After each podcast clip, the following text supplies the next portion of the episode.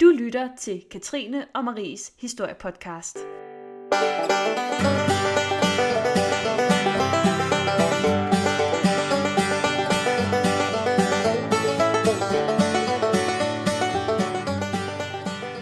Velkommen til, og tak for at lytte med. Jeg hedder Katrine og er kultur- og socialhistoriker med interesse for nyere tids historie. Og jeg hedder Marie, og jeg er forhistorisk arkeolog. Vi har begge en lidenskab for historie og elsker at dele vores interesse, og det er det, som den her podcast handler om. Vi vælger emner, som vi brænder for, men vi er altid åbne over for forslag, og I er mere end velkomne til at kontakte os. Oplysninger følger sidst i podcasten. I dag skal vi tale om Khrushchevs store majseventyr. Mm. Eventyret, hvor han planlægger, at han vil omdanne den sovjetiske landbrugssektor fra en primært øh, beskæftige sig med hvedeproduktion til at primært beskæftige sig med majsproduktion. Ja. Marie, Ja. vil du fortælle om, hvem Khrushchev var? Ja. Da, Det var godt. Ja, det var heldigt, ikke? Ja. Jo, øhm, jo men altså, da Josef Stalin, øh, han dør øh, den 5. marts 1953, der medførte en større politisk magtkamp i den sovjetiske partitop. For det er ikke rigtigt, det står ikke klart rigtigt, hvem der ligesom skal efterfølge Stalin. Der er flere mere eller mindre mulige kandidater, men den mest oplagte, det er Nikita Khrushchev. Han havde i mange år spillet en central rolle i partitoppen, og i de sidste år, hvor Stalin han jo var blevet mere og mere mentalt ustabil, kan vi godt sige, han var jo blevet sådan paranoid og sær på mange måder, øh, havde Khrushchev i realiteten øh, været Sovjetunionens øverste leder. Khrushchev han var kendt som en af Stalins hardcore håndlangere. Han havde gennem årene underskrevet tusindvis af arrestordre og gennemført udrensninger i blandt andet Ukraine, øh, hvor han i en periode var guvernør. Han var selv født i Ukraine i 1894 øh, i ydmyg kår, og så var han, havde han arbejdet sig fra bunden og hele vejen op gennem partiet. Han vandt hurtigt den umiddelbare magtkamp lige efter Stalins død, og detroniserede de to andre oplagte kandidater. Den ene, det var ham, der hed Malinkov, som havde fungeret som ledende partisekretær umiddelbart efter Stalins død, og så Beria, og nu skal jeg sige, det er min egen russiske udtale. Jeg ved ikke, om det er den korrekte russiske udtale. Malinkov og Beria. Nå. Beria, han endte med at blive henrettet af nogle andre årsager. Men allerede i september 1953, så kunne Khrushchev kalde sig ledende partisekretær, og men flere mener, at magtkampen først endegyldigt blev vundet ved udnævnelsen til ministerpræsident i 1958. Man kan måske diskutere, om magtkampen nogensinde blev vundet, fordi han blev jo sådan set afsat i 1964, øh, hvilket jo ikke var så lang tid efter. I modsætning til Stalin, så fremstod Nikita Khrushchev som en, en nede på jorden type, der ønskede at humanisere og effektivisere det stalinistiske Sovjet. I 1956, øh, der holdt han den meget berømte såkaldt hemmelige tale på den 20. partikongres, hvor han gjorde op med og distancerede sig fra Stalin-regimet. Derudover varslede han et tøbrud både internt i Sovjet men også mellem Sovjet og Vesten. Den her destal- destalinisering øh, banede vejen for en vis ja, liberalisering af det sovjetiske samfund. Han indførte en række reformer, der ligesom kunne give noget frihed. Øhm, altså inden for rammerne af Sovjetunionen selvfølgelig. Frihed under ansvar. Frihed under ansvar. Eller gulag. Eller gulag. Frihed under gulag er et godt udtryk. ja. Øhm, og derudover så støttede han det russiske rumprogram meget ihærdigt, og det var under hans lederskab, at den første satellit blev sendt ud i rummet. Det var jo også fint. Men øh, som sagt, så var hans lederskab langt fra populært blandt partifælderne af forskellige årsager. I 1954, der blev han afsat.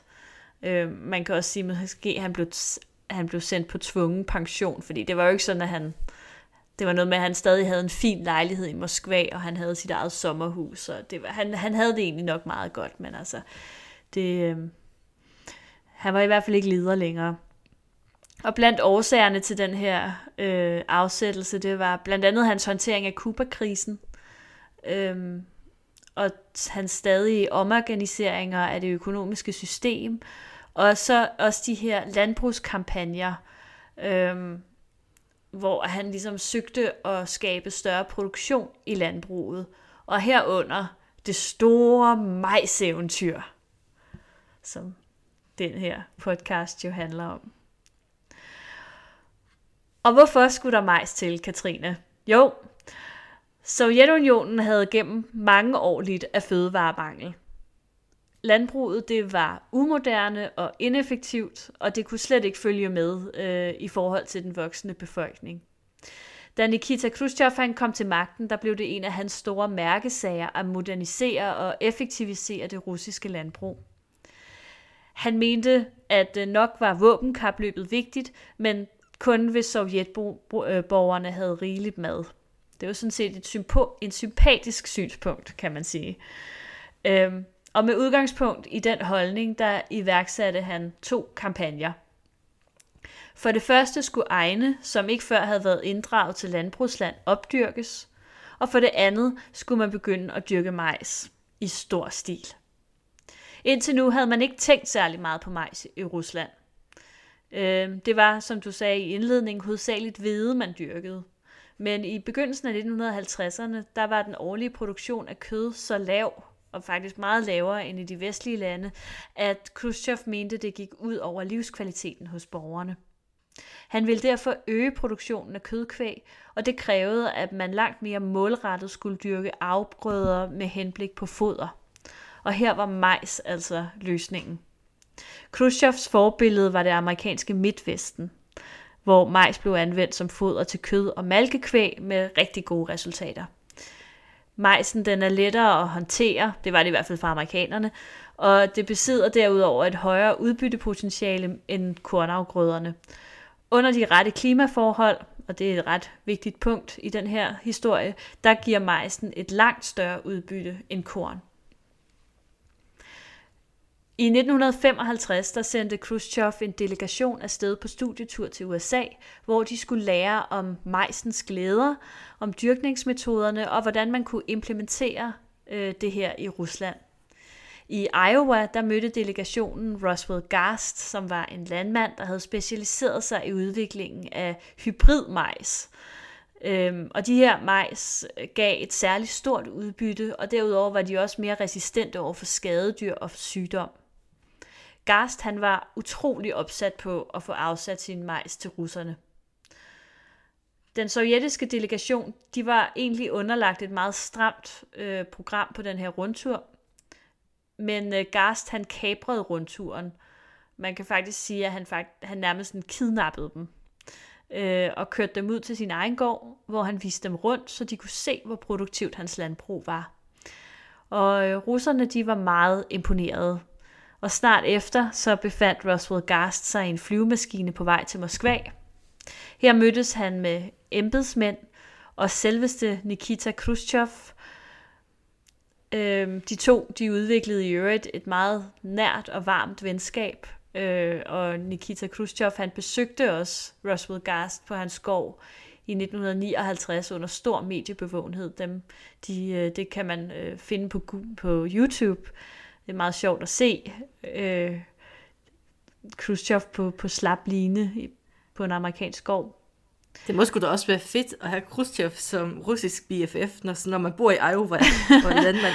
Jeg læste sådan et, der var sådan et interview med hans, øh, med, med, med Roswell Gasts øh, barnebarn, som havde været til stede, og, og, og hun fortæller, hvor, hvor skørt det var, hvordan at at både øh, amerikanerne og russerne, de havde hver deres mundskænk med, så de skulle spise frokost der, og så var det hendes bedstemor, der lavede maden, men så var der så en russisk og en amerikansk mundskænk, der ligesom skulle sikre sig, at maden ikke var forgiftet, og jamen, det hele, det var bare, på et eller andet tidspunkt begyndte øh, Khrushchev og ham her Gast at kaste majs efter øh, journalisterne, fordi, bare fordi, som man nu gør. Som man jo gør, fordi de, var, de, var, de synes det var sjovt. Altså, det, det må have været meget spøjst.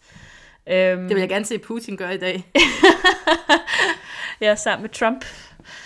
Jamen, ej, jamen, det værste er, at man kunne godt se dem gøre det. Bare stå og kaste majs efter folk. Ja, Det er den vej, det går. ja det, det er det. Ja, der er ingenting. Ingenting er umuligt længere. Øhm, nå, men, øh, men altså Gast, han, øh, han fik sine kontrakter med Sovjetunionen, trods en lille smule skepsis fra USA, men det var åbenbart ikke noget problem, selvom at vi jo er på et tidspunkt, hvor at, ja, der var lidt spændinger og lidt kold krig og så videre. Øhm, og Khrushchev, han kunne altså begynde at dyrke majs over hele Sovjetunionen. Og det gik jo godt til at starte med, Katrine, sådan set, ikke? Men hvad så? Problemet var, at det sovjetiske landbrugssystem, det var ikke, som det var i Vesten. Fra 1928 til 1940, der er man gået fra individuel farm til en kollektivisering, kollektivisering af farmene. Og det betyder altså, at folk de bliver stuet sammen i, på gårde, hvor de skal dele en traktor, hvor de skal dele redskaberne. Egentlig, tanken var jo, at det gør det hele mere effektivt. Og det skaber også et, et godt socialistisk sammenhold i de her farme. Problemet er bare, at de var rigtig dårlige til at omstille sig, fordi de altid manglede noget. Og man havde heller ikke den, den individuelle personlige drift til at gøre det her bedre. Man arbejdede der egentlig ofte bare, fordi sådan var det. Ja. Og de her kollektive farme, altså det var rigtig slemt under Stalin. Altså forholdene, de var helt forfærdelige. Mm. Men sådan Khrushchev med, hans- med hans landsbrugreformer, han gør det bedre for dem. Men ikke godt nok, kan man sige. Khrushchev, han ønskede sig jo, at de her farme, de skulle blive gode, de skulle næsten blive industri- industrialiseret, så effektive de skulle være. Og han blev ved med at slå på trummen for, at det skulle være større, og det skulle være bedre. Og større, det er nok kodeord i det her, fordi i stedet for at fokusere på at kultivere afgrøderne, for eksempel majsen, sørge for, at groforholdene blev bedre, at man fik gødning, at man fik nogle gode traktorer. Det fokuserede man ikke på. Hmm. Man fokuserede på, at markerne skulle være større, så man kunne få mere mad. Det var sådan, man tænkte. Det var kvantitet over kvalitet. Mm. Nej. Og det er lidt et problem, når man har brug for mad, og man bare bliver ved med at tænke større marker, større marker, større marker. Mm. Og en af Khrushchevs store drømme, det var, i, nu snakkede du om USA, der har man det stykke, der hedder Corn Belt, mm. inde i Midtvesten. Ja. Og Khrushchevs store drøm var at skabe et sovjetisk Corn Belt, der bare var meget større end det amerikanske. så han kunne vise både til omverdenen og indad til, at vi er altså større end USA. ja. Et, øh, et, et våbenkapløb med majs. Min majs er større end din majs. Ja. Ja, og det er lidt et problem, fordi at selvom det gik godt i starten, så var der mange problemer. Majs, det er meget følsom over for klimaforandringer. Mm. Så hvis der var en våd sommer, som der var af flere omgange, så døde omkring 70-80% af majsen. Mm. Og det er jo et stort tab, når der er så stort et område lige pludselig. Og, men man går virkelig all in på at gøre det større og større. Så omkring 1960, så havde man cirka 28 millioner hektar majs. Og i 1962 er der allerede vokset til 37 millioner hektar-. Det er altså, det er voldsomt. Det er temmelig stort, ja. Og det var så på bekostning vel af, Det var nemlig på bekostning ja, af andre afgrøder. ja, De blev skubbet fuldst- Ja, fuldstændig baggrunden med det. Mm. Og problemet var, at selvom man fik relativt meget majs ud af det, så skulle man stadig bruge rigtig meget arbejdsinput for at få det samme, den samme udbytte, som man gjorde med hvede. Mm. Man regnede med, at man skulle tre gange så meget arbejde ind i en majsplante i forhold til en hvedeplante. Hmm. Og når man ikke dyrkede hvede længere, så begyndte man lige pludselig også at mangle hø, som er et biprodukt af at dyrke hvede. Og når man ikke har hø, så har man heller ikke mad til alle dyrene. For selvom majs det var effektivt, så som vi ser, så var det et følsomt produkt. Ja. Så lige pludselig står man også og mangler hvede, eller nej, hø. Ja, ja. Og i 53, der producerede man cirka 64 millioner ton hø om året. Mm. Og i 1965 var det faldet til 47 millioner ton. Det er ikke godt. Nej, især ikke, fordi der var mange steder, hvor man ikke havde en traktor, og hvor man stadig regnede med, at hesten kunne trække ploven. Hmm. Og hvis hesten den ikke får noget mad, så trækker Så kan man ikke- plov. Nej, og så må man ud og spænde babuske op for ploven. Ja. Så det var, det var rimelig problematisk. ja. Hvordan reagerer... det- Ja, undskyld. Og det her, det begynder jo så... Altså, Sovjetborgen, de kunne godt se, at det her var ikke helt godt. Nej. Og man begyndte at miste tiltro til, at det majsen var god. Og man begyndte at sætte spørgsmålstegn ved, om Khrushchev han virkelig var sådan en klog leder, som han, man troede, han var i starten. Mm. Så man begynder så faktisk at gøre sig sjov på hans bekostning. Er det nu, jeg skal fortælle den der vidighed, som, øh, som jeg læste et sted? Fortæl, Jamen, fortæl. hvor at- det er at- så fantastisk. at, at, at en vidighed, som åbenbart florerede blandt borgerne, det var, at, at øhm, ja, folk de siger til Khrushchevs kone, at det eneste sted, Khrushchev han ikke dyrker majs, det er på månen. Og Khrushchevs kone svarer, Shh, lad være med at give ham gode idéer. Og det værste var, at det er jo sandt, mm. fordi Khrushchev, han ville jo også gerne have majs i Sibirien. Ja. Hvilket, lad mig sige det, altså selv den mest optimistiske bonde kan ikke få majs til at gro i Sibirien. Han var jo besat af majs, den mand. Der, hvis, man skal have, hvis man har brug for et godt grin, så skal man google Khrushchev pl- plus corn. Mm. Og så kan man se et billede af ham, hvor han står lige så glad med den største majskolb nogensinde. Ja. Og den første reklame, der var, faktisk var i Sovjetunionen, det var en...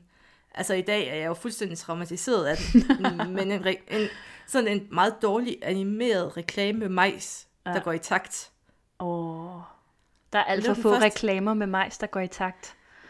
Det er faktisk et marked, man ikke udnytter nok i dag. Det synes Men majs, det sælger jo sig selv. Det gør det desværre, ja. Det gør det desværre. Ja.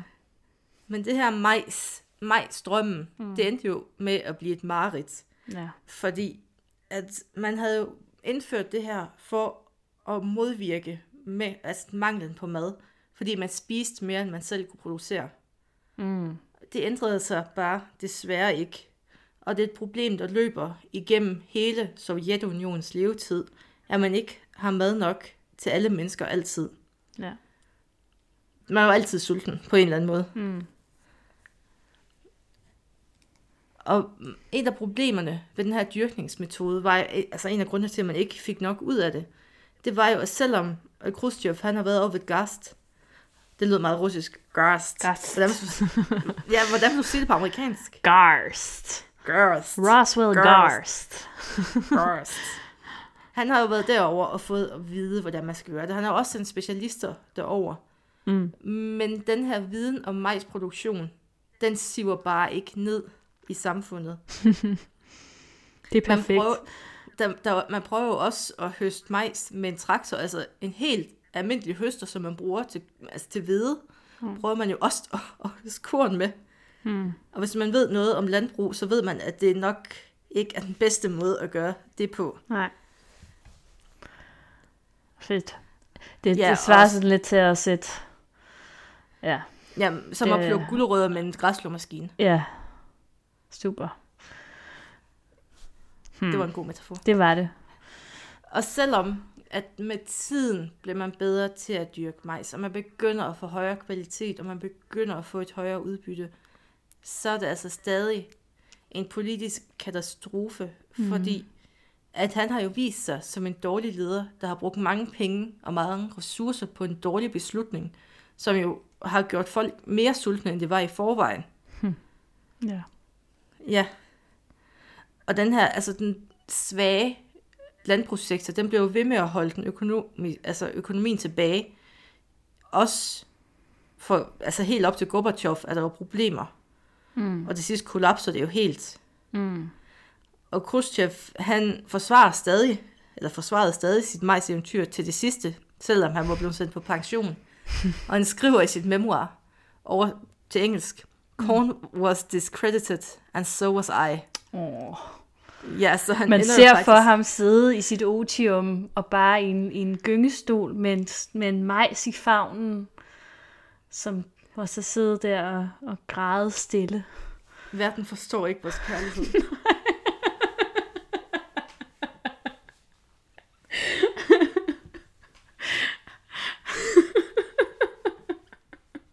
Verden var ikke klar.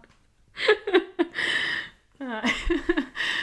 Men det var, jo, det var jo faktisk det, der var galt. De levede- Sovjetunionen var ikke klar. Sovjetunionen var ikke klar til, til majs. Ja. I dag dyrker man ikke særlig meget majs i Sovjetunionen, kan jeg forstå. Nej, det Ja, jeg eller ikke, i, man Sov- ja, i Rusland, det hedder ikke Sovjetunionen længere. ja. 26 år for sent. Jeg lever stadig i 89.